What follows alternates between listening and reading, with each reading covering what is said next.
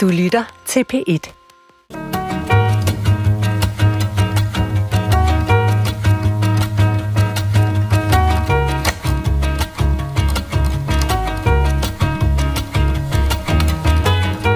Gør det ikke, skreg Markelle. Jeg ved, at det var Christoffer Mors far, der kørte din cyklede mor ned i en venstresvingsulykke, og jeg ved, at du efterfølgende i en årlang periode blev seksuelt misbrugt af din far, men det er ikke hans skyld.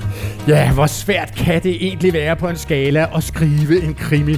Den korte radiovis gjorde grin med den suskede tastaturdomptør Jussi Adler Olsen for at sige, at hvem som helst jo kan snyde et krimidrama ud af næsen, som går verden rundt, så vedkommende kan leve på lykke og lavkage af det resten af sine dage. Om det passer, bliver vi kloge på i dag.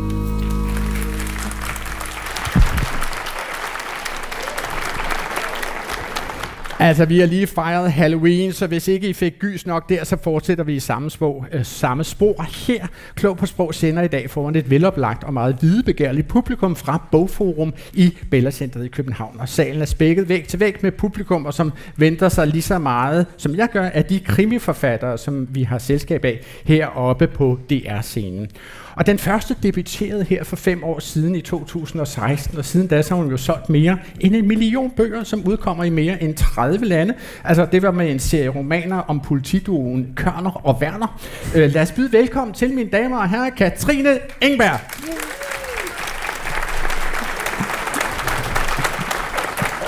Ja, det er det, som vi i radiobranchen kalder en scoop, at vi har dig med os i dag, Katrine. Du har jo oplevet den succes, som alle drømmer om, kan man sige, med Kørner og Werner. Men, men du har jo faktisk med din seneste bog, den her, som jeg står med i hånden, Det brændende blad, der har du lagt Kørner og Werner på hylden, og så er du i gang med at skrive en helt ny hovedkarakter, efterforskeren Liv Jensen. Hvorfor har du skiftet hest i vadestedet, om man så må sige? Øh, ja, det spurgte min øh, agent mig også om. Don't, don't, don't, Ja, Katrine. hvad, Han så alle sine indtægter forsvinde. Ja, hvad nu det for en mærkelig idé? Øh, jamen det er jo øh, ligesom det er med alt, alt andet, øh, især sådan inden for det kreative, altså der hvor man finder på noget, som ikke eksisterede i forvejen, at man skal være begejstret for det, og tændt på det, og nysgerrig på det. Og øh, da jeg udgav øh, det forløb i sidste bind i Kørner Werner-serien for, for to år siden, der kunne jeg mærke, at karaktererne ligesom var landet. De var kommet hjem, og der kom ikke flere idéer. Okay. Og så måtte jeg jo lukke den dør. Og det, altså, så det var ikke, fordi jeg vidste, at jeg ville lave noget andet. Jeg vidste bare, at jeg ikke ville skrive om det. okay. Øh, og det, man er jo nødt til at være tro mod den der stemme, Ja. ja. uanset hvor godt det går. Øhm, Katrine, jeg Ja. bøjer mig jo simpelthen i støvet for den beslutning. Det har din øh, agent muligvis ikke gjort. Ikke? Men, men, men man siger jo om Tiger Woods, eller han har selv sagt det, at på et tidspunkt, så var han nummer tre på verdensranglisten. Og han synes ikke, det var godt nok. Og så gik han tilbage og begyndte at genindøve sit grundslag. At han simpelthen, og så, så, så fordi han genindøvede indøvede det, så, så skred han ned på verdensranglisten og blev nummer 12 eller 15 et stykke tid, og så kom han op og blev nummer 1. Så det der med at tage sit eget materiale op, genbesøge det og sige, måske skal jeg lave noget andet, det er jo helt vildt, vil jeg sige. ja, altså det føles ret vildt, men det føles også godt og, og, og nødvendigt. Og som sagt, jeg tror ikke, jeg, jeg ved, at jeg ikke er den eneste. Jeg er ikke engang den eneste på den her scene. Nej, nej, det er også rigtigt. Katrine, øh, resultatet er blevet dejligt og meget vellykket, og tak fordi du vil være med her. Jesper Stein jeg, øh, er, med, er min anden gæst. Han har været lidt længere i krimibranchen, øh, meget længere, hvis man skal til hans tid med som øh, kriminalreporter på Jyllandsposten. Han debuterede for 10 år siden som, som krimiforfatter i 2012 med Uro, og siden har han skrevet fem romaner til og om sin øh, hårdkogte og landskendte politimand af Axel Sten. Og han... Hvad, var der nogen, som sagde noget? Nej, okay. Øh, Ikke endnu. Øh, og han udkommer i et udtal af landet, selvfølgelig, og SF Film har sat sig på filmrettighederne. Byd også meget gerne velkommen. Næsten lige så varmt, som I gjorde til Katrine Engberg. Til Jesper Stein, mine damer og herrer.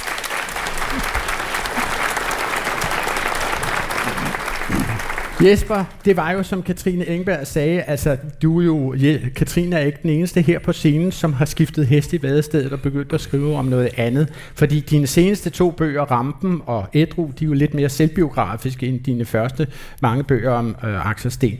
Men det er Axel Sten, vi vil høre om her, og din krimi-karriere. Øh, øh, Hvad festede du mest igennem over, når du skrev øh, dine krimier med Axel Sten? Jamen altså, man bliver båret... Øh, for mig var det ligesom at, at finde en stemme, der lå tæt på mig selv, og så bare øh, køre afsted. Man bliver båret derud af, af den stemning og den, øh, den indre tone, man kan sige, der er i hovedpersonen, som, altså der er mange, der tror, at krimier, det handler om at lave nogle utrolig avancerede, øh, komplicerede plots, men det handler om at finde på nogle originale personer, som folk gider at følge i roman efter roman. Og, øh, og de skal være spændende for en selv, og komplekse og udfordrende, og man skal kunne sætte dem i nogle situationer, som hele tiden overrasker en selv. Og hvis man kan det, så tror jeg på, at øh, ja, så synes læserne også, det er fedt, men altså, så er det også fedt at lave selv. Så det, det er det, jeg har haft det sjovest med.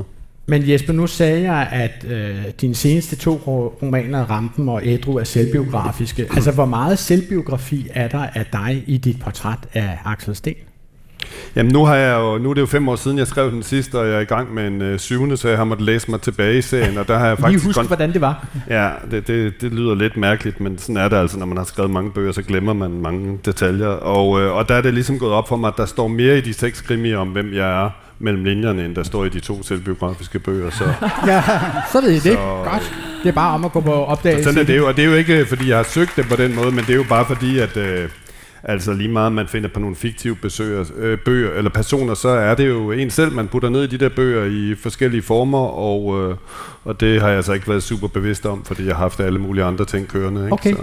Min sidste gæst, som er med os her på her scenen, er her for at holde øje med, at vi er helt knivskarpe på de sprogfaglige pointer. Han er ledende redaktør ved, det danske, ved den danske ordbog og kommer fra det danske sprog- og litteraturselskab, som udgiver før omtalte ordbog. Varmt velkommen til Lars Trapp Jensen, mine damer og herrer.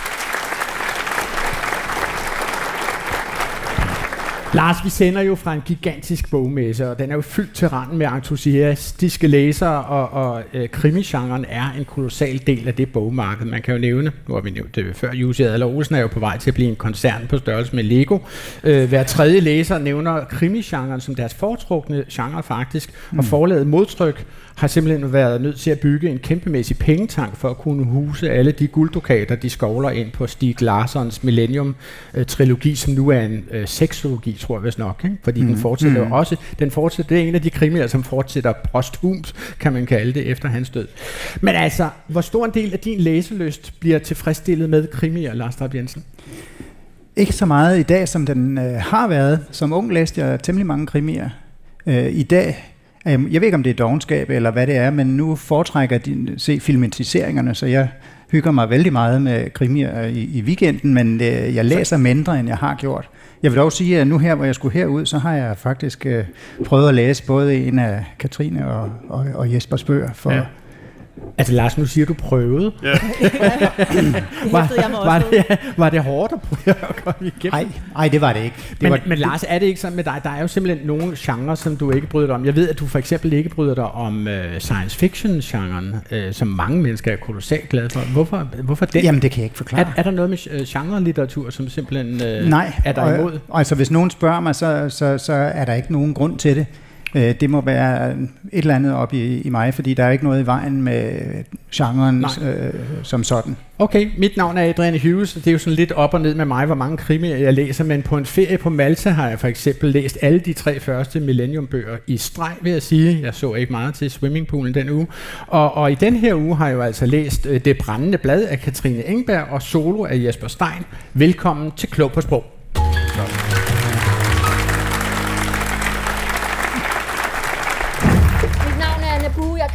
Politiet og kan ikke finde ud af både at have en karriere, et familieliv, og du er fucking anholdt. Anja, mød Michael. Jeg er den nye politimarker, som du selvfølgelig synes er pisse men som du igennem serien langsomt kommer til at sætte pris på. Hvad ved vi? Jamen, det er lige er en selvfølgelig meget smuk ung kvinde, fordi det bare er mere hjerteskærende, når den dræbte kvinde er smuk, end hvis hun for eksempel var grim. Og hvad er det? Det er en perlepladmand. Skat, nu lover jeg dig, at jeg kommer og ser din skolekomedie, så det bliver endnu mere hjerteskærende, når jeg svigter dig på grund af mit arbejde. Anja, selvom krimiserie jo altid har en kvindelig hovedrolle, så det er fuldstændig urealistisk, at du skulle kunne opklare det her uden hjælp fra en mand. Lige præcis. Ja, P3-satire øh, kører på alle, plat, på alle de fordomme, vi har om krimier, fordi vi synes, vi kender mange af de standardelementer, som optræder i krimier. Og vi har faktisk her på Klog på Sprog fået et lytterspørgsmål om lige præcis det her emne. På mailen klog på sprog, har Mette Bæk, øh, hun er ikke fra Vejen, hun hedder Vejen, hun er nemlig skrevet til os fra Over Randløv over fra over Randlev. Jeg kan indimellem godt lide at læse en velskrevet krimi, men bliver hurtigt træt af genren. Jeg synes, mange krimier er skrevet efter samme skabelon, og også at de sprogligt ofte ligner hinanden. Kan det passe, at likstal i krimigenren generelt er lavere end i så meget anden litteratur, eller er jeg fordomsfuld? Det er så en fortolkning, hun tilbyder os, at hun kunne være det. Skriver altså Mette Bæk Vejen fra over Randlev. Lars Rapp Jensen, det her spørgsmål går jo til dig. Lad os lige først få styr på, altså det der likstal, som, som Mette Bæk Vejen henviser til. Hvad er det nu, likstal er for noget? Det er sådan et forsøg på at operationalisere, hvor svært det er at læse en tekst. Øhm, så man regner ud, hvor mange øh, ord er der i hver sætning, altså mellem hver punktum, og så ser man på, hvor mange ord overholder sig inden for et bestemt antal bogstaver, og så kan man lave sådan en formel, der spytter ud og siger, at det her er en letlæst tekst eller en kompliceret tekst. Okay, så jo længere sætningerne er, og jo længere ordene er, jo højere likstal. Sådan er det, ja.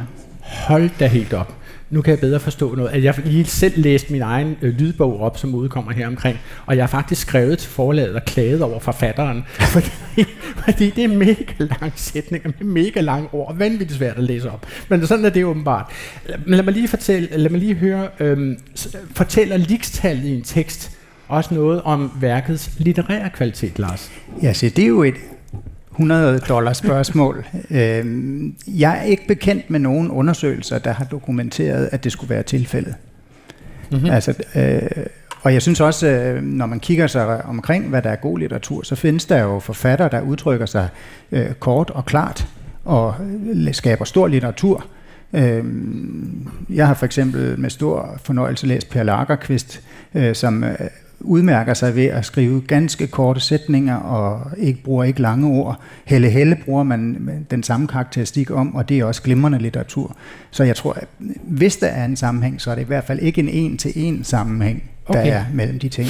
Katrine Engberg, kan jeg prøve at spørge dig? Altså, Mette Bæk Vejen her skriver i sit lytterspørgsmål til os, at, at hun øh, har en mistanke om, at ligestallet er lavere, og at det også er skrevet efter skabeloner. Lad os starte, starte med ligestallet. Har du nogensinde overvejet, om dit sprog har lange sætninger eller korte sætninger, om du bruger lange ord? Øh, det, har, det har jeg øh, på samme tidspunkt, som du selv lige øh, har oplevet. Altså, øh, jeg har nemlig også indlæst mine egne bøger, ja.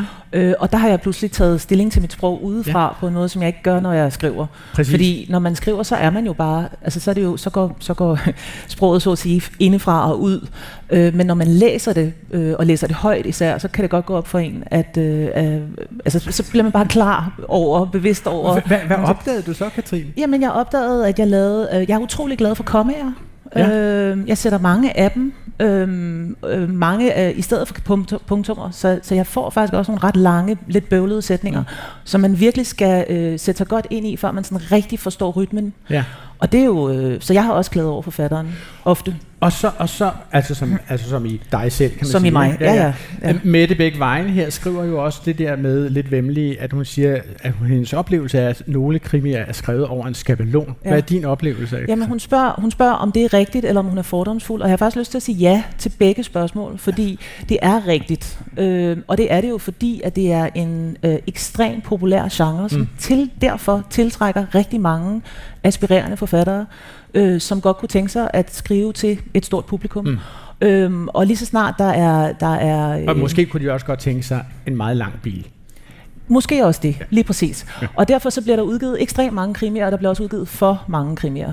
Øh, og samtidig så er der jo den her fordom, som handler om, at øh, de så alle sammen er skrevet over en skabelon, og det, det passer så ikke. Øh, jeg ved, at øh, Jesper, som, altså Jesper Stein skriver jo også øh, det du også lige sat ord på, det her, du skriver ud for nogle karakterer, tematikker, miljøer, og så former plottet sig ud af det. Det er ikke fordi, vi sidder med Lego-klodser derhjemme og bygger et plot, og så propper vi nogle karakterer ned i det. Det er der muligvis nogen, der gør, men ikke af de krimiforfattere, som har et publikum. Det tror jeg simpelthen ikke. Jesper, lad os lige prøve at tage den med dig. Altså, jeg går ud fra, at du aldrig nogensinde har regnet likstallet ud på din tekst, din brødtekst, vel? Nej, det har jeg godt nok ikke. Og, og, og har du selv læst dine øh, bøger op som lydbøger? Nej, men jeg har læst dem op.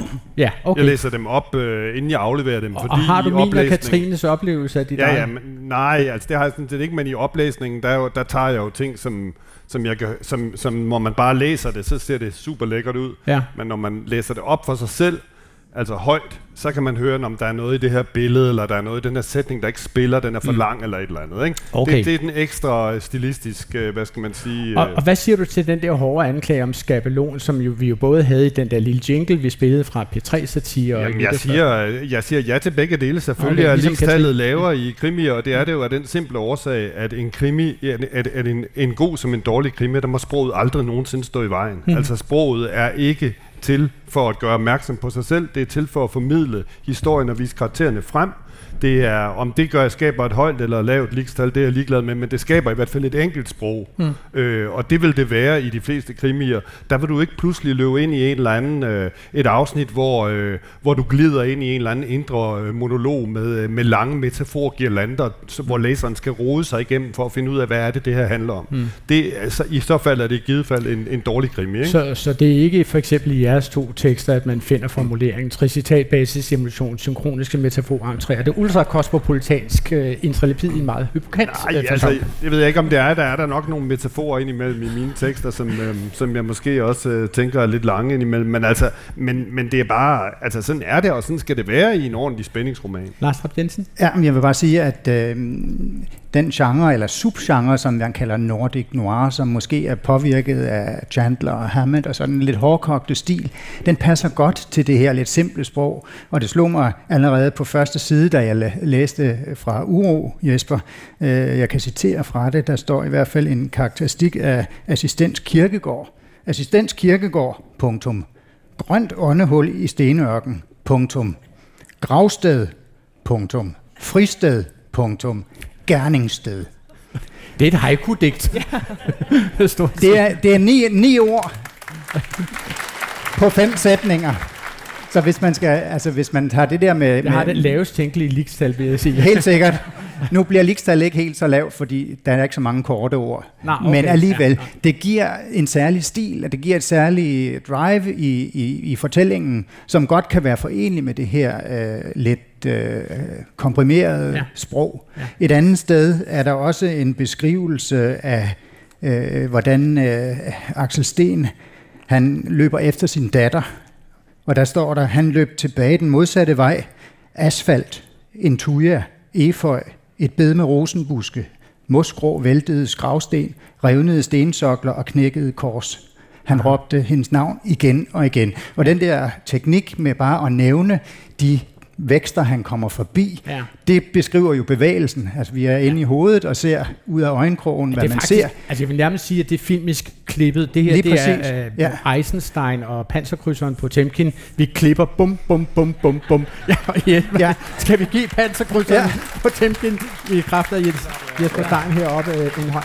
Altså, Katrine Engberg, lad mig lige høre. Altså, jeg har set andre steder, at det jo simpelthen er sådan, at man skriver med den stemme, man har. Ja. Ikke? Og det siger du om, om, om dit sprog. Du, du analyserer det ikke med leaks, du analyserer ikke længder osv. Nej. Øh, jeg kunne godt lige tænke mig her sammen med publikum at trygteste, øh, hvordan det går med at skrive med dit personlige sprog. Ikke? Fordi der var en, øh, et ord, i hele din bog her, var der et ord, som jeg stussede over, da jeg læste den. Ved du, hvad det er for et ord, jeg måske tænker på? Det er også virkelig et urimeligt Nej, ud af, ud af de 110.000, nej, Præcis, jeg, jeg er ikke helt... præcis, øh, præcis. Nej, men altså din hovedkarakter, Liv øh, øh, Jensen her, øh, sidder på et tidspunkt på noget, som hedder Kanalcaféen øh, ved Frederiksholms kanal i København og kigger over på Christiansborgs ridebane, hvor hun bemærker, at nogen er i færd med, og ved du det? Hvad er nogen i færd med at gøre på ridebanen? Longere Ja, en hest. præcis. Hun er nemlig i færd med at longere en hest. Ja. Og nu vil jeg gerne bede om en, en klapsalve fra publikum, fra alle de af jer her i publikum, og der er vel en cirka øh, 230 mennesker eller så.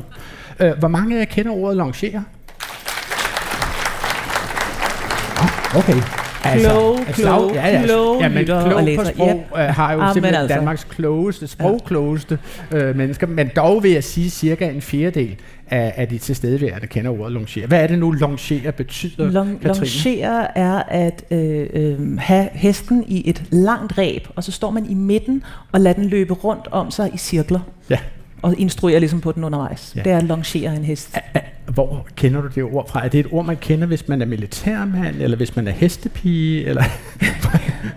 Øh, Det falder det, der- ved, det ved jeg simpelthen ikke. Nej, okay. Nej. Altså min, min søster rider, Ja. øh, så jeg har øh, på den måde sådan dressur til den på, øh, på livet, men jeg tror, jeg, jeg, tror egentlig, jeg synes egentlig, at det er sådan forholdsvis almen viden, og jeg kan jo så høre, at publikum er relativt Ja. ja. enig med mig. Handler det ikke også om at, Ja. ja. altså at lade være med at undervurdere læseren og vide, at Præcis. en krimilæser er skide begavet? Fordi, jeg mener... Og hvis der- ikke, kan Nå, men jeg mener, hvis det man op, skulle at man har jo beskrive, ordnet. hvis man skulle beskrive, hvad longerer gør, uden at bruge ordet, så ville man jo skulle bruge fire linjer på det. Ja, og Ja, jeg er tænker, rigtigt. jeg tænker Og så, selv, så må de jo slå det op, hvis de ikke ved, hvad det betyder. men og selv hvis man ikke kender det, så får man stadig et billede i hovedet af det. Ja. Gør man ikke? Ja. Og faktisk så, Altså, jeg, jeg synes faktisk, ordet longerer eleverer øh, Christiansborg ridebane til at være et lidt mere elegant sted. Ikke sandt? Eller det er Ja. jo i forvejen Men relativt nu- elegant, kan man godt sagde sige. Jesper ikke? jo også før det her med, at sproget må ikke stå i vejen. Nej. Men omvendt, så har jeg faktisk lyst til at sige, at med øh, genre-litteratur, og især med krimi, som er så velbeskrevet, og hvor der er så mange potentielle klichéer i alle karakterer og i alle scenarier, der skal sproget, der er sproget jo også nøglen til at elevere Hmm. handlingen. Hmm. Øh, så, så det må ikke stå i vejen, men det må jo virkelig heller ikke bremse omvendt. Altså, en af dem herhjemme, som har øh, det allermest entusiastiske forhold til krimier, det er Dagbladet Politikens krimianmelder Bo Tave Michaelis. Han er nærmest et omvandrende krimileksikon. Han har også i den egenskab lavet adskillige øh, krimikvisser på krimimessen i Horsens. Han læser over 100 krimi om året, siger han selv. Han skal jo anmelde mange af dem. Krimien er jo en genre, der kører på for, forstillelse. Det vil sige folk, der ikke er, hvad de ser ud til, går med masker, har en anden identitet end den, de måske lever under. Og det andet er formodninger. Altså, det, for, vi formodes, at sådan og sådan skal det være, for at alting falder på plads. Krimin er jo mange gange en, en, en drøm om, at man kan, man kan hvad hedder, beherske omverdenen, altså skabe kosmos efter det kaos, mordet har, har sat i gang. Og så på den anden side er det jo en erkendelse af, at verden er dybere, end den umiddelbart ser ud. Altså det, det er sådan set, hvad vi sige, forskel mellem who done it, hvor man jo altid opretter kosmos efter kaos, eller bør gøre det, som hos Christie, eller også som øh, den anden del, så er det mere Raymond Chandler, og det vi forventer med noir. Altså man tror, man behersker sine omgivelser, det er som element, der tror det, som privatdetektiv og politimænd. Og så viser det sig jo, at det gør de overhovedet ikke. At der er kræfter i gang. Det kan være samfundskræfter. Det kan også bare være psykologiske kræfter. Det kan være kræfter i en selv. Man bliver forelsket i den forkerte, som selvfølgelig er morder. Altså set sådan i det store litterære perspektiv, Bo, hvad vil du sige, at Ja. krimigenren bidrager med? Altså sagt på en anden måde, hvil- hvilke sten synes du, at krimierne lægger på kunstens tempel? Men det ligger på det på kunstens tempel for det første, at den, at den i hvert fald siden Sjøvel Varle mange gange i sensationel form tager samfundsproblemer op, som anden litteratur lader ligge. Og så har den det, at den ofte netop er eventyrlig. Øh, den franske øh, kvindelige øh, krimiforfatter Vargas har sagt, at krimi er eventyr for voksne. Og det er jeg fuldstændig enig med hende i. Lad os tage den derfra. Altså, hvor, hvor ligger jeres krimier, Jesper Stein og Katrine Engberg, i, på den her skala? Altså, for eksempel, han sondrer jo Bo Theo Michaelis mellem de øh, krimier, som enten genopretter harmoni, efter at der har været kaos, eller at øh, øh, hovedpersonen går desillusioneret hjem og tænker, at de er rødne alle sammen. Hvor vil du sige, din, øh, dine krimier ligger, Katrine? Jamen, et eller andet sted, øh, øh, jeg tror, at mine krimier hopper fra det ene til det andet, mm. så at sige. Øh, jeg er øh, mere interesseret i den del af det, som er whodunit-delen. Mm. Jeg synes, mysteriet er spændende. Øh, mere end sådan vold og mor.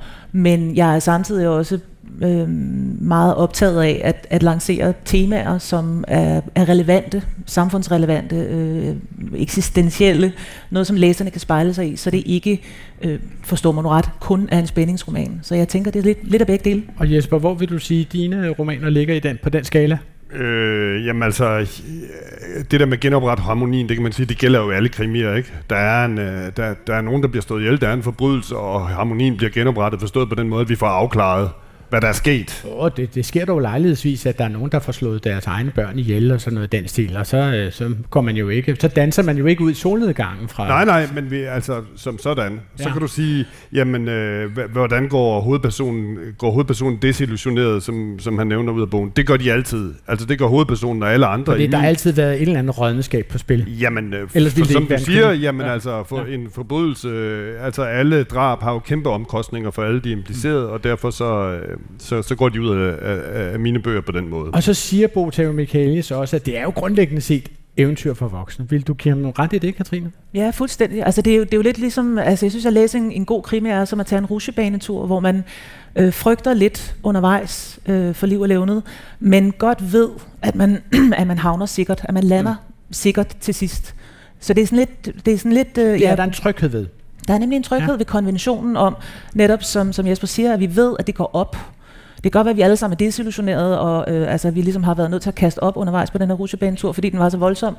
Altså forhåbentlig ikke øh, i litterær sammenhæng, men, men øh, vi lander til sidst, og det ved vi som læsere. Og det er, der, det er der jo en tryghed i, at vi ikke er bange for at blive ja ladt hængende. Lad os lige kigge lidt på nogle af de øh, sproglige faldgrupper, som der kan være i den her genre. Det hedegangende øh, satireprogram på den de to hedengangne radiostation Radio 24 som påstår sig selv genopstået.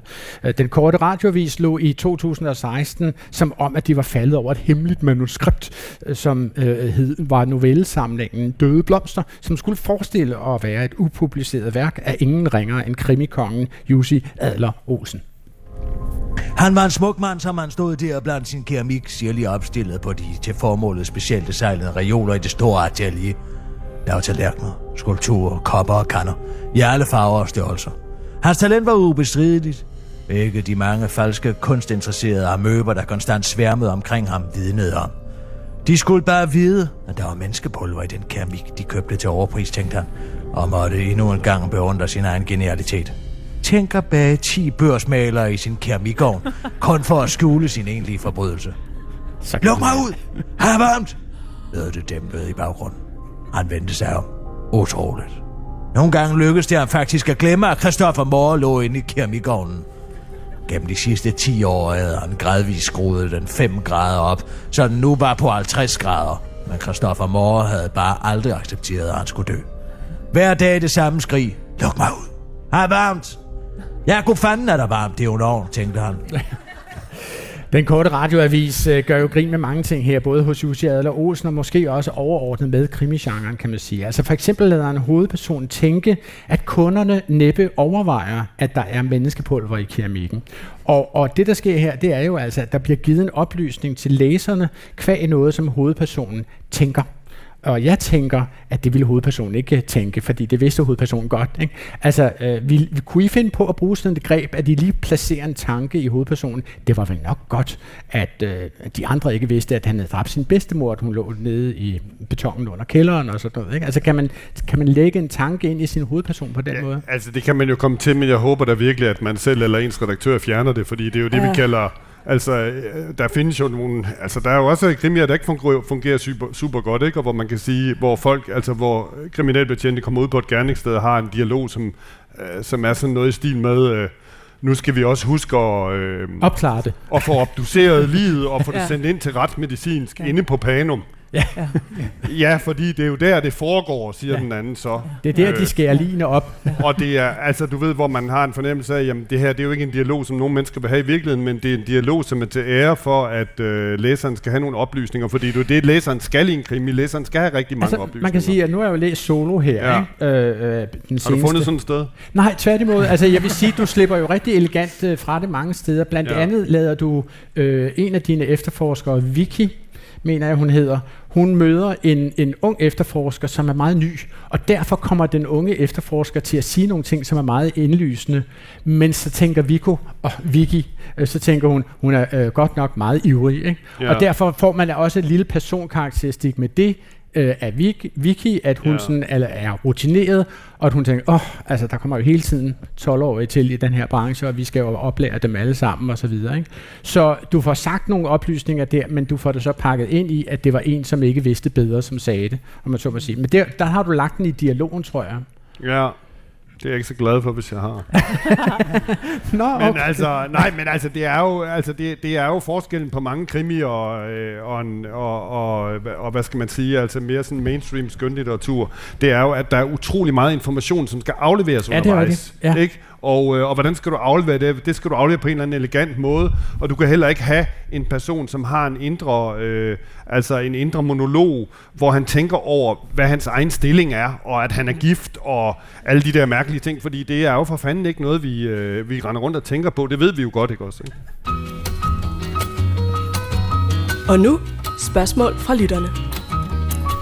For du lytter til Klog på Sprog, der i dag sender live fra Bogforum i Bella Center i København. Det handler om krimiens sprog, og med mig til at gøre os alle sammen klogere på lige præcis det er de to krimiforfattere, Katrine Engberg og Jesper Stein, og seniorredaktør ved det Danske Sprog- og Litteraturselskab, Lars Trapp Jensen. Og det er sidstnævnte, jeg henvender mig til nu, for øh, Per Gade Halberg har sendt os et spørgsmål på klog på sprog, DR.dk, og han øh, drager paralleller mellem titlen på en kriminalroman af Jo Nesbø, og så øh, ordet musetyfus, og skriver, Flagermusmanden er titlen på en kriminalroman af Jo Nesbø.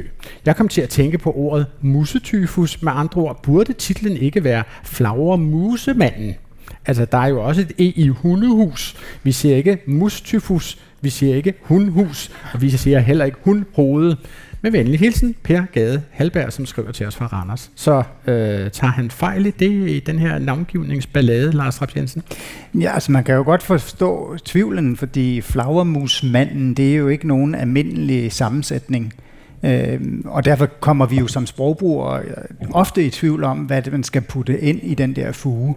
Men man kan altså ikke slutte sådan fra det usammensatte ord, som er mus, og der har han jo helt ret, at det har E i fugen, musetyfus, men også musehale, museunge, muserede, og alle sammensætninger har E. Men man kan ikke slutte fra det, at så har det sammensatte ord flagermus, øh, den samme, det samme fugelement. det har det faktisk ikke.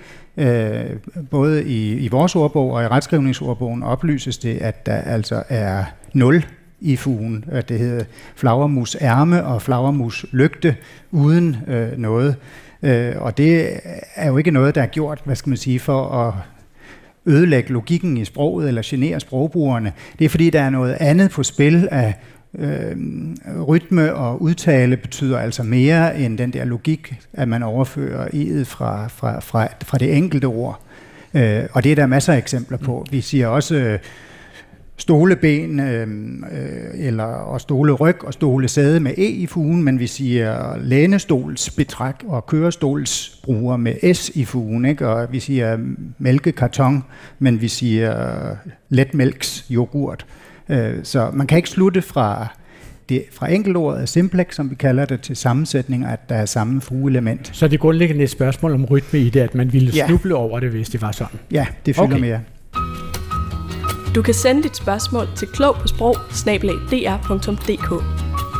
Jesper Stein og Katrine Engberg, I, I, I fortæller mig jo her øh, i dagens udsendelse, at det er dybest set karaktererne, som er det vigtigste, og så kommer plottet faktisk i anden række, når I øh, skal beskrive, øh, eller når I skal ind i en roman. Ikke? Og derfor kunne jeg godt tænke mig, øh, og øh, gå i dybden med, hvordan man egentlig eksponerer en karakter, hvordan præsenterer man en karakter. Jeg vil starte med dig, Katrine Engberg. Altså, du har jo gjort det her med, at du beskriver nu en helt ny karakter, og hun dukker op i kapitel 1 på første side af kapitel 1, der er et lille forord øh, før da, som jeg ikke skal løfte sløret for, men der sker noget meget dramatisk. Men altså her på side 15 får vi vores hovedkarakter præsenteret, og jeg læser nu op. Københavns tage lå som silhuetter i den tidlige morgenstund, endnu ikke kysset af daggryden. Et smukt syn, Alligevel gav det Liv Jensen følelsen af at være fremmed i verden. Ikke at høre til noget sted mere. Ikke i Rødovre, ikke i Nordjylland, og slet ikke her i hovedstaden med dens asfalt og travlhed og selvforelskede arrogance. Glasvæggen foran hende åbenbarede postkortversionen af byen. Hvis man bare var på gennemrejse, kunne man sikkert godt forlade København med det idylliske billede intakt, men Liv var ikke forført. Hun var ikke engang nysgerrig. Hun fik øje på sit eget ansigt i glasset og samlede hotelbadekåben om sin nøgne krop. Bag hende var kun lukkede døre, og foran hende uvidshed og halvhjertede planer. Når man mister sine drømme, fortoner livet sig til ingenting. Kommer du ikke i seng igen? Thereses stemme var blid og uden bebrejdelse. Liv vendte sig om og forsøgte at skælne konturerne af dynen fra hendes nøgne skikkelse.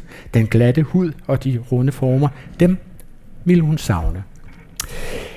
Lad mig lige tage den over til Lars Rapp Jensen først. Altså, hvad synes du, at... det er at, til eksamen, det her? Nej, nej, nej, nej, nej. Det, det, det, nej, jeg er helt det, i håndflader her. Det er grønne filt. Øh, hvilket indtryk får du af denne karakter, som toner frem her i disse linjer, som jeg nu har læst op, Lars? Mm, det er, meget, det er en meget øh, sanselig beskrivelse. Altså, vi får at vide det der med, at, at øh, morgenen kysser tagene, ja. og man får også at vide det med badekåben om den nøgne krop. Ja. Øh, så, så, så der bliver, man kommer helt tæt på øh, og kan mærke det selv. Ja. Hvad synes du, du får at vide om, om øh, vores, vores hovedperson, Liv Jensen her? At hun befinder sig i øh, en overgangssituation. Hun er, kommer fra noget og er på vej et andet sted hen. Hun føler sig ikke rigtig hjemme nogen steder. Ja. Øhm, så måske er det et afgørende øjeblik for hende. Ja. Det kan gå, hvad retning det skal være. Lad os så tage med dig, Katrine. Altså, øh, hvad, hvad, går din, øh, hvad er din overvejelse? Når du, det, det her er jo et super vigtigt øh, sted, går jo fra. Du skal have præsenteret din hovedkarakter. Ja. Så hvor mange gange har du skrevet det her igennem? Om Men faktisk, faktisk, det er sjovt at slå ned på det, fordi faktisk havde jeg i lang tid en helt anden åbningsscene til liv. øh, hvor hun var midt i et slagsmål, troede man, og det viste sig at være sådan en træningssituation. Øhm, og det var, øh, det var en scene, som faktisk fungerede enormt godt. Altså jeg var ret glad for den. Mm-hmm. Øh, netop det her med, at man tror, man møder et menneske, som man ikke ved, hvem er endnu, og hun er midt i et slagsmål, og man ved ikke rigtigt, hvad det er, hun bliver udsat for, og så viser det sig så at være en relativt fredelig træningssituation. Øh, men jeg var nødt til at skrotte den. Øh, Hvorfor det? Jamen, det var jeg, fordi den var forkert. øh, og det, øh, det er jo sådan en fornemmelse. Altså, jeg kunne simpelthen mærke, at, at det her med at præsentere min hovedkarakter som hårdt slående og i gang og sådan noget. For det første var, faldt jeg ind i klichéfælden. Øh, og for det andet, så, øh, så havde jeg også brug for, at vi netop mødte hende sårbart og sanseligt.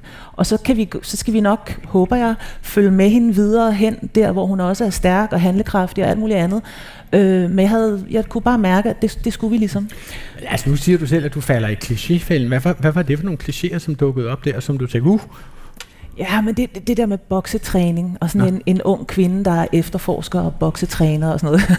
du står Jesper og nikker. Men det, er, det, jeg, det kunne jeg bare mærke, den går ikke. Altså den går, jeg prøvede, jeg prøvede sådan sprogligt, jeg prøvede at skrive mig rundt om det, så tænkte jeg, ej, så er det ikke så kliché alligevel, men det var det bare.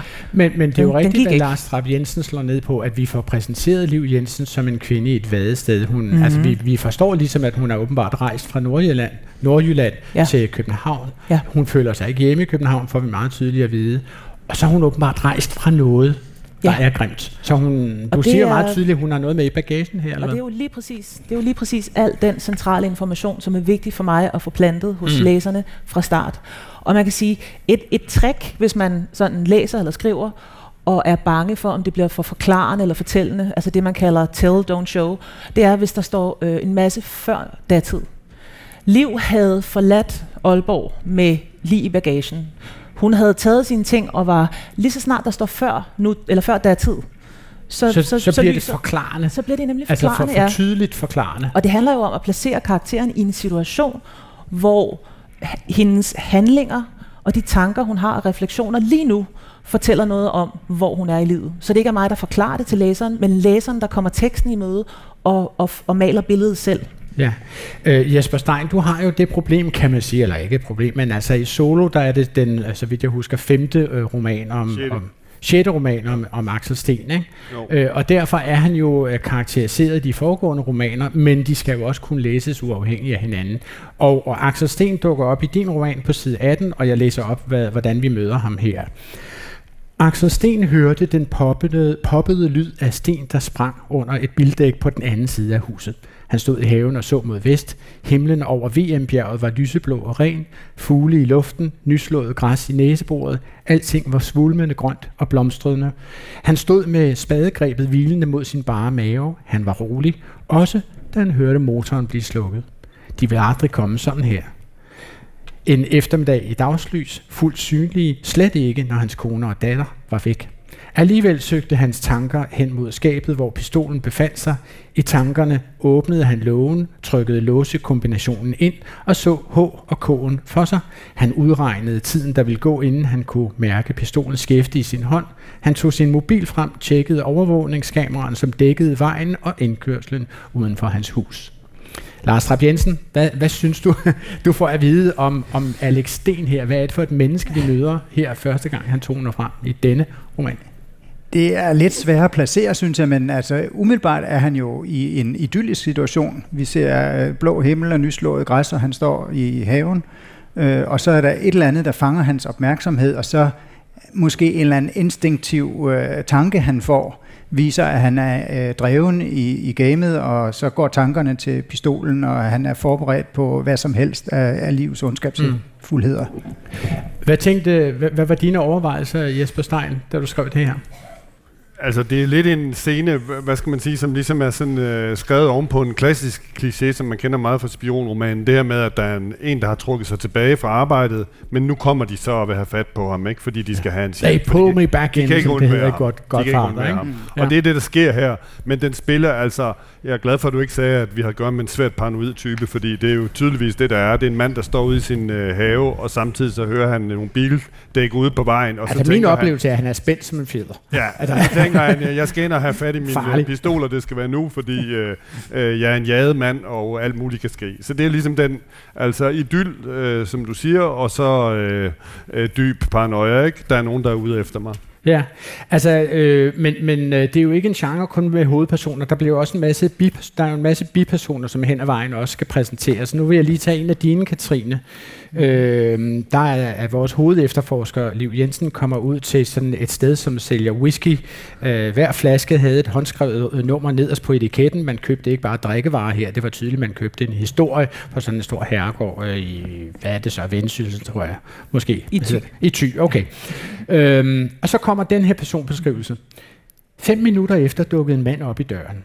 Han var en del ældre end sin kone, men skåret over samme list. Pæn på en vindblæst måde, håret kort i nakken og langt på toppen, tænderne blegede til perfektion. Han tog en snavset arbejdshandske af og rakte en kold hånd frem. Dag, Oliver, Liv Jensen, beklager hvis jeg forstyrrer. Det går nok. Hvad kan vi gøre for dig? Altså, Lars Trapp Jensen, lad mig gå tilbage til dig. Altså, hvad, hvordan får vi, hvad synes du om, om, om ham her, Oliver? Hvordan synes du, du får ham beskrevet? Står han klart for dig? Ja, han er sådan en, øh, han er måske, nu skal vi passe på det med klichéerne, ikke, for det balancerer jo, men her kan en, en, en jysk forretningsmand, mm. vil jeg sige, ser vi for os øh, med, med håret og tænderne beskrevet, og hvad kan jeg gøre for dig? En lidt Lars Larsen-type måske. Ja. Var det sådan, du også så ham, Katrine Engberg? Øh, lidt mindre øh, øh, entydig, tror jeg, end du lige umiddelbart opfatter ham. Jeg, jeg, kunne godt, jeg havde nemlig lyst til at beskrive en, øh, en han er, ikke, han er ikke så gammel, hans, hans kone er meget ung, så han er sådan, ham her han er måske 40, mm. øh, og han er entreprenant, han har overtaget den her herregård og sat den alt for meget i stand. Altså ødelagt alt det, det, det der var smukt ved den, og ligesom bare sat øh, lavendelbede op og et øh, stort messingskilt, og så har han det her øh, lidt for flotte, øh, meget færme øh, whiskybryggeri. Mm. Det er Og det var- overrestaureret.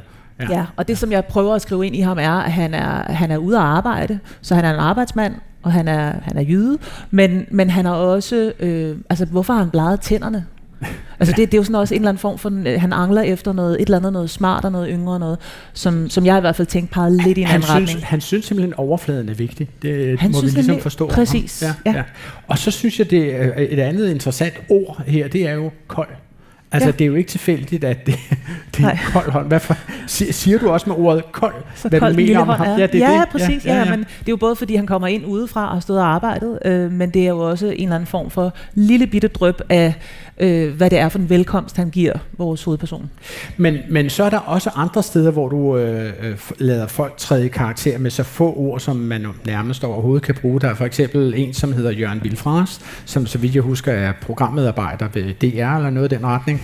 Og øh, han tager telefonen og siger, Jørgen Vilfras, stemmen var blød og rar, som blomme med dager og ild i pejsen. Altså, kan I høre den for jer, spørger jeg bare ud blandt publikum.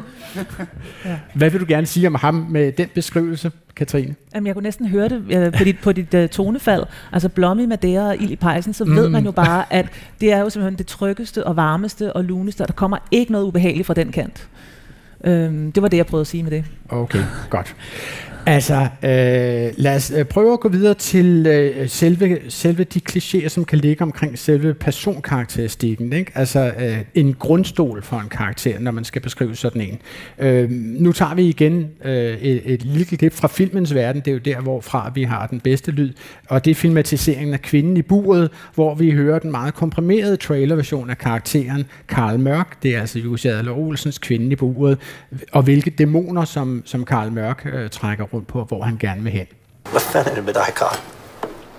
Jeg tror ikke, jeg har set dig smile, mand. Min kone er skrevet. Min makker er død, og min bedste ven han er blevet lam. Jeg har ikke så meget at smile af. Så hvorfor fanden gjorde det her før? Fordi det er det eneste, jeg kan. Jeg kan ikke sende dig tilbage til drabsafdelingen. Hvad? Der er ingen, der gider arbejde sammen med dig. Ja, altså ja, her på scenen står Katrine Engberg og Jesper Stein og, og morer sig meget, vil jeg sige. At, hvorfor morer du dig så meget, Jesper Stein? Jamen, fordi det er jo den øh, tungeste kliché, ikke? Min kone har skrevet, og hvad kunne vi få til? Altså, jeg Min- har et min- makker er død. Ja, okay. Jeg har et alkoholproblem. Det har jeg jeg også. hader min marker, og øh, min chef vil have mig fyret, ikke? Okay. Og min bedste ven er retsmediciner. Så har vi vist været hele vejen rundt. Ja. Ja, så er der fuld Og play det er på sådan, det er i alle mine bøger, ikke?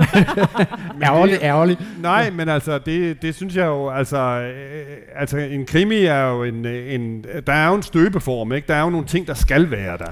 Ja. Og der er også nogle øh, klichéer, nogle konventioner, dem skal man jo ikke, det skal jo ikke være sådan, at man støder på en kliché, så tænker man, uha, det må jeg, nu skal jeg sørge finde på et eller andet super originalt. Dem skal man jo lege med og udfordre, ikke også, ikke? Det er, jo, det er jo faktisk ikke så meget præmissen her.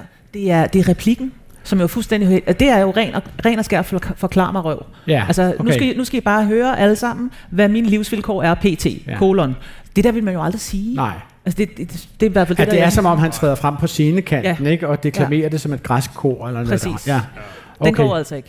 Men, men det, der ligger i det, er vel, at en karakter for at kunne, eller det er mit, mit spørgsmål til jer, skal en karakter slæbe rundt på en eller anden møllesten af komplekser? Ja. Det, I nikker begge to. Hvem- Hvordan? Hvorfor? Jamen, men, men harmonisk er jo skide kedeligt. Altså, Nå, lykkelige, lykkelige mennesker kan man jo ikke skrive særlig meget om. Hvordan går det? Det går godt.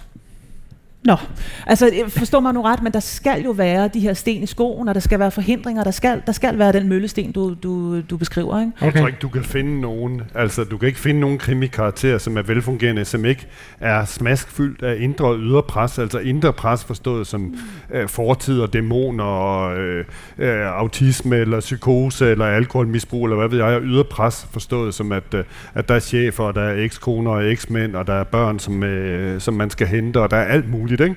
Det er jo det, er jo det der skaber fremdrift i en Der skal simpelthen være en nødvendighed, nemlig at opklare mysteriet, øh, sat op imod en umulighed. Hvad siger du, Lars? Jeg vil sige, det, det kendetegner jo øh, dagens krimier, men sådan har det vel ikke altid været. Altså hvis vi går tilbage, så, var, så levede Maigret i et øh, harmonisk ægteskab, og der findes oven Lord Peter Wimsey af Dorothy ja. Sayers Ja, ja, og Agatha Christie er også renset for den slags, Ja, ja, okay. hvor, det, hvor det mere har været øh, selve morgådens opklaring, der ja. var, var det, der ja. drev historien frem. Men øh, det accepterer vi ikke i dag. Nu vil vi ind i hovedet på dem. Nej, nu vil vi have folks privatliv med, ikke? Ja, ja. Jeg kunne godt tænke mig at tale øh, med jer om, om selve det her konstruktion af plot, altså hvordan man egentlig sammensætter et plot. Øh, Katrine, du sagde i begyndelsen af udsendelsen, at plottet er for dig ikke så vigtigt. Men det skal jo fungere. Ja. Hvordan laver du, hvordan konstruerer, ja, du bruger jo selv i din bog billedet en Rubik's Cube, altså en terning, Rubik's mm. terning, som man langsomt klikker på plads, indtil man til sidst ser farverne. Altså, hvordan spreder du farverne i begyndelsen af krimien, så det ser øh, ligner en badeværelsesmosaik? Jamen det, det er sådan set det mindste problem for mig, fordi det er sådan, jeg tænker. Altså jeg tænker ekstremt spredt og fragmenteret øh, i starten af en proces. Okay. Øh, og, og det er ikke fordi plottet ikke er vigtigt, det kommer bare... Øh, øh, sådan, ja, I rækkefølge af konstruktionen kommer det bare senere end, end alt muligt andet. Altså jeg starter med en masse puslespilsbrikker i forskellige farver. Øh, ud af dem vokser der nogle tematikker og nogle karakterer og miljøer. Og så kommer ideen til en handling først da. Øh, Så det er det, jeg mener med det, og selvfølgelig er plottet vigtigt, det kan man jo ikke på nogen som helst måde undsige sig, men det er bare nødt til at komme i den rigtige rækkefølge. Okay. Jeg er nødt til først at kende mine karakterer og vide, hvad de, hvad de laver her på, på jorden, og man så må sige, hvad er deres raison d'être, så jeg ligesom kan skubbe dem i gang med noget. Og så, så kan der blive skabt forbindelser mellem de her forskellige interessepunkter, jeg har. Altså i den her bog, der var der en interesse i min egen familiehistorie fra 2. verdenskrig. Den vidste jeg, jeg godt ville bygge ind, men hvordan hænger den sammen med Liv Jensen og hendes øh, liv, en ung efterforsker øh, på 29. Sådan nogle punkter der skal jeg så forbinde, ikke? Jesper Stein, må jeg spørge dig, altså, øh, har du plottet fuldstændig klart, før du sætter dig til tastaturet og begynder at skrive bogen, eller hvad? Nej, det er, jeg har slet ikke noget klart. Altså, jeg, øh, jeg arbejder med at finde, præcis som Katrine taler om, at finde min, min hovedperson i en eller anden øh, presset, øh, dynamisk situation, som kan holde, altså hvor han er i en eller anden klemme, hvor der, som kan holde hele bogen igennem. øh, og som interesserer mig nok til, at jeg gider at skrive 400 sider om det. Og så finder jeg på plottet, og, øh, og der arbejder jeg mig frem undervejs, og der har jeg så det dogme, at jeg skal finde på en til to, det man kunne kalde vendepunkter, altså hvor en, øh, positiv, hvor en person, som er, er positiv eller øh, god, bliver til en negativ person og omvendt, og det er jo skidesvært, ikke? Og okay. det er jo dybest set altså den der Matrix, man kender fra, øh, fra Star Wars, ikke? Hvor, øh, Den skal vi simpelthen høre nu. If you only knew the power of the dark side, Obi-Wan never told you what happened to your father. He told me enough. He told me you killed him. No. I am your father. No. No. That's not true.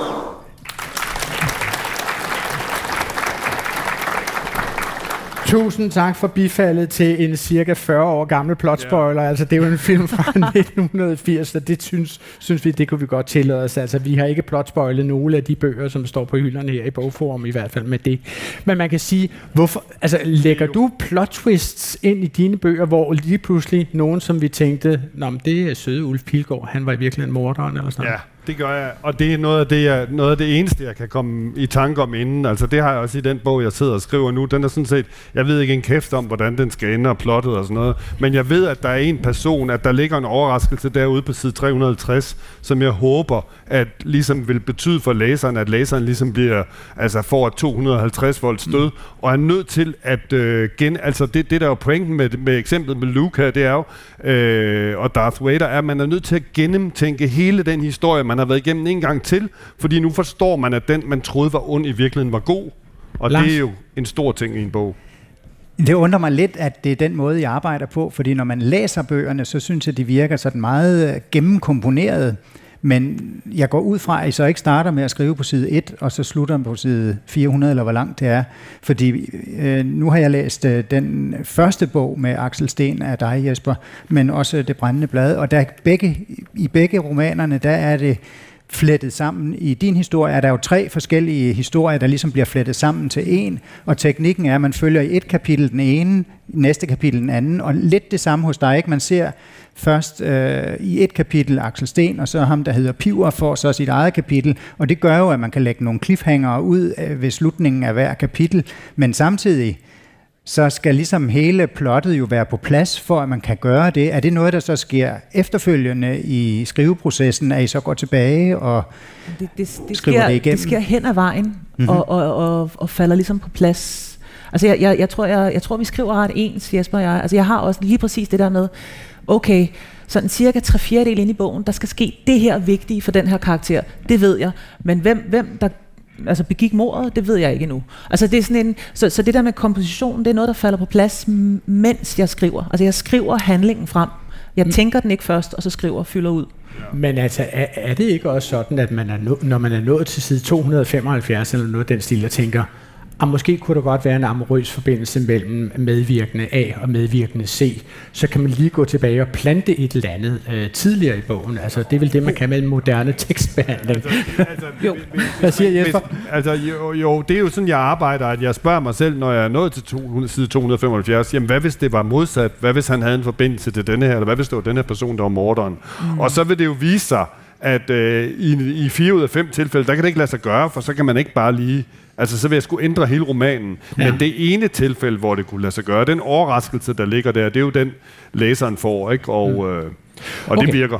Nu, nu nærmer vi jo os øh, jo programmets døende minutter, og så synes jeg, at vi skal se nærmere på, hvordan fortællingen forløses på de sidste 35 sider af en roman. Altså, Lars Trapp Jensen, hvilke forventninger har du til klimaks i en kriminalroman?